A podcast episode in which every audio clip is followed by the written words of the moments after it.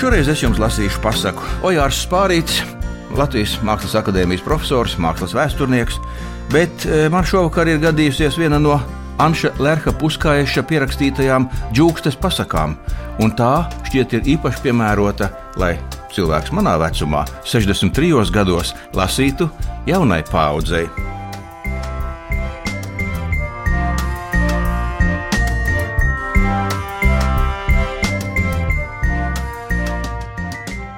Vienam tēvam bija septiņi dēli, seši gudri, viens muļķis.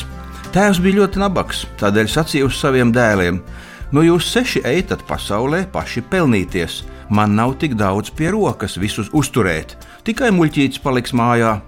Bet muļķītim tas nav paprātam. Viņš saka, ko tie seši bez manis izdarīs. Ja neiešu līdzi, labi nebūs.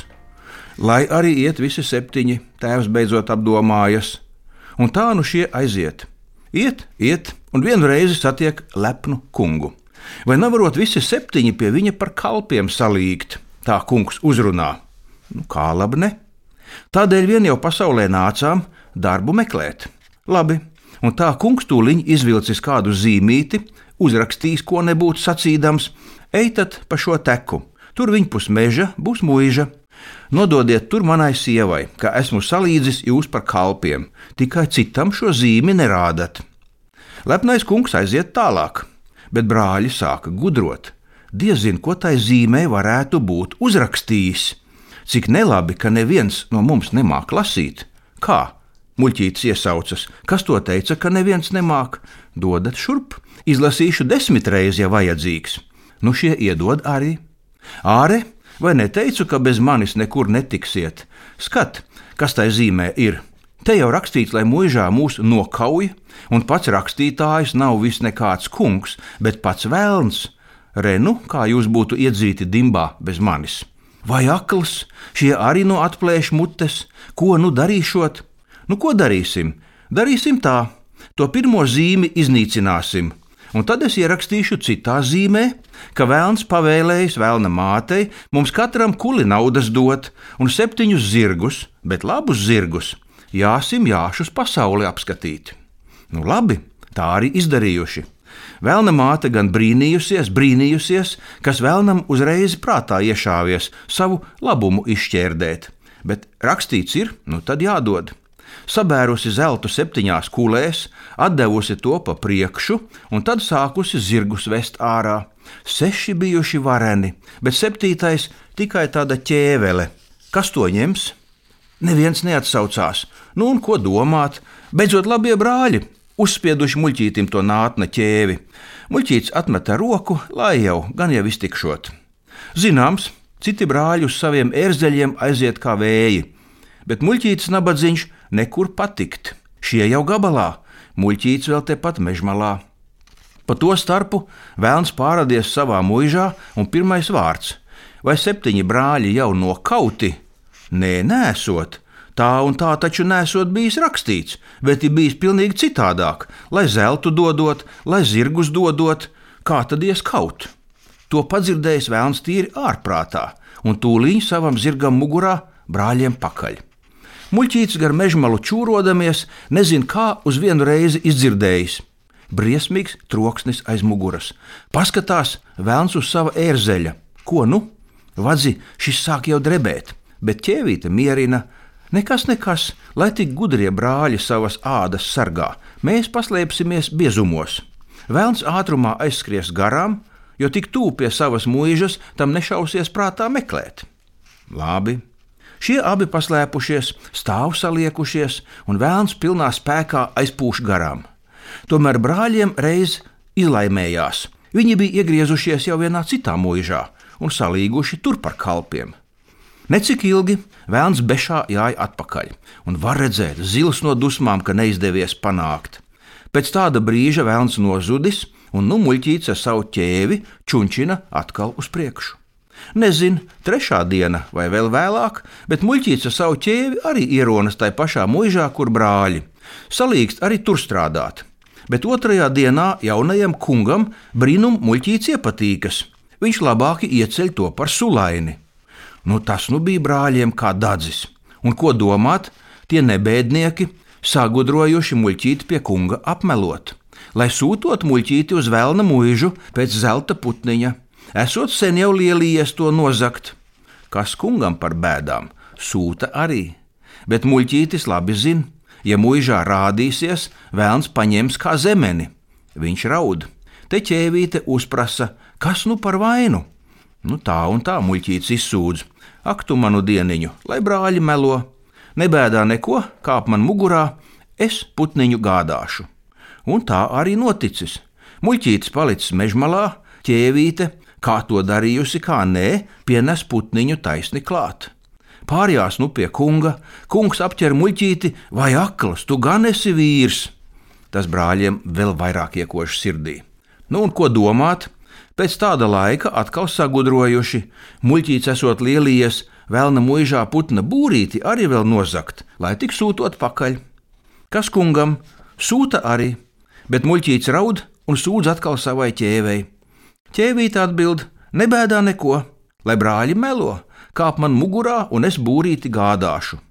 Tā arī noticis. Muļķītis palicis mežmalā, ķēvīte, kā to darījusi, kā nē, pienes būrīti taisni klāt. Pārjās no mājā pie kunga, kungs apķer muļķīti. Nu, vai akls, tu esi gan dišs vīrs? Tas brāļiem pavisam iekoši sirdī, un ko domāt? Pēc kāda laika tie atkal sagudrojuši. Muļķīts esot lielies vēlna mūžā, pašu vēlnu nozagt, lai tik sūtot pakaļ.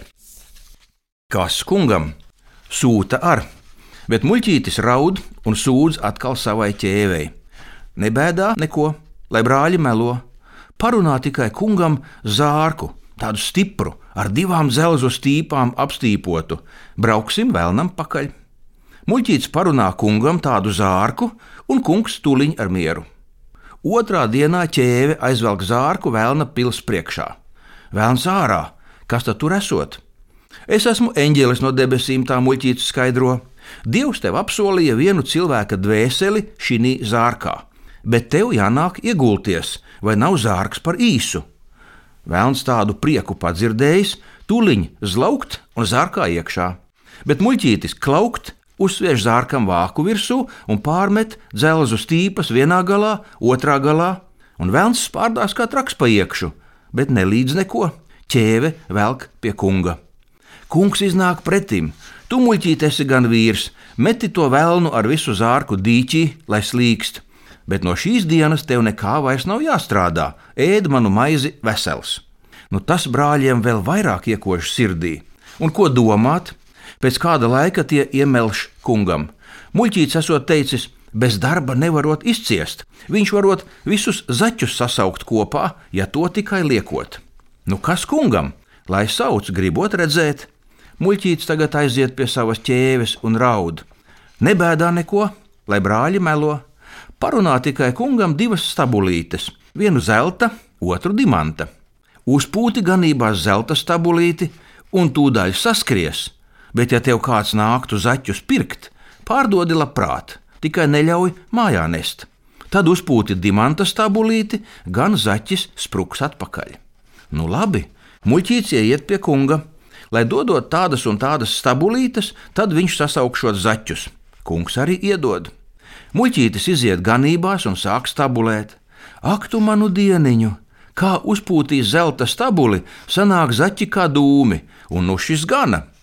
Te iznāks kunga vienīgā meita pie zaķu gana un kaulēsies vienu zaķi pirkt. Nu labi, muļķītis pārdod arī, bet par dārgu naudu. Kunga meita paņem vienu zaķi, ietin drānā un ies uz mājām. Labi, labi pie vārtiem, tikusi, muļķīts uzpūš dimanta stabuli, un tā uzreiz zaķis meitai no drānas ārā un atpakaļ uz lauku, ko tik māk. Necik ilgi nāk pats kungs vienu zaķi pirkt, cik tā gribot. Nu, ko es tur daudz varu gribēt? Nogriezi vienu gabalu no šīs maitas, kas tur dīķmalā guļ, un apēd, tad būsi aizmaksājis. Kungs padomā, nu labi, nogriež gabaliņu no maitas un apēd muļķītis atdod zaķi, bet līdz kungs labi pie mūžas vārtiem, muļķītis uzpūš dimanta stabuli. Zaķis nāk griezdamies atpakaļ. Nu, tas gudrajiem brāļiem atkal skauda. Nekā un nekā muļķītim nevar pietikt. Paga, viņi sagudro jaunu nelietību. Iesim pie kunga un teiksim, ka muļķītis spēja pilnu maisu ar valodu pierunāt. Nu, labi, kungs to padzirdējis, atsaka tā. Rītu saicināšu pilnu pili ar viesiem, un tad likšu muļķītim ienākt, lai pierunā man pilnu maisu ar valodu. No rīta sanāca pasaules viesu. Kungs iesauca muļķīti, lai nu pierunājot maisu pilnu ar valodu. Viņa viesi arī gribot to redzēt. Labi, muļķītis paņem maisu un sāk runāt. Mēs bijām septiņi dēli. Tēvs sūtīja mūs pasaulē papelnīties. Atnācām šī mūžā, te tiku par sulaini, mani citi brāļi par kalpiem, bet brāļiem tas skauda. Tie iemelsa kungam, ka spēju vēlna mūžā zelta putniņu, būrīti un beidzot pašu vēlnu nozagt. Kungs ticēja brāļiem un pavēlēja man to darīt. Izdarīju, bet brāļiem vēl nepietika. Es varu zaķus sasaukt. Nu, labi, sasaucu arī. Bet tagad kungu meita iznāca vienu zaķi pirkt, pārdevu, bet par dārgu naudu. Pēcāk iznāca pats kungs, arī vienu zaķi pirkt, bet tam ātrāk nepārdevu, kamēr maitas klusi kungs uzsauca, nu jau maiss pilns, nerunā vairs. Kungs bija apsaucis tam dēļ muļķīti, lai viesi nedabūtu zināt, ka viņš maitas gaļu ēdis. Bet viesi to dzirdēdami, brīnumu uzteica muļķīti par tādiem darbiem. Viņš esot izpelnījies vairāk nekā kungs spējot samaksāt, bet viņa brāļi, nu tie esot padzenami, tie nedarot nevēlnam. Labi, kungs atteica, es tos brāļus padzīšu arī, bet tev, muļķīti, atdošu savu meitu par sievu. Tā notika.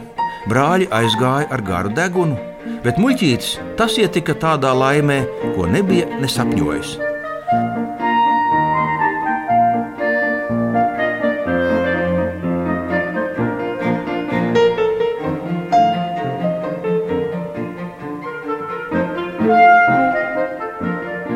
Pasaka ir galā. To es jums lasīju.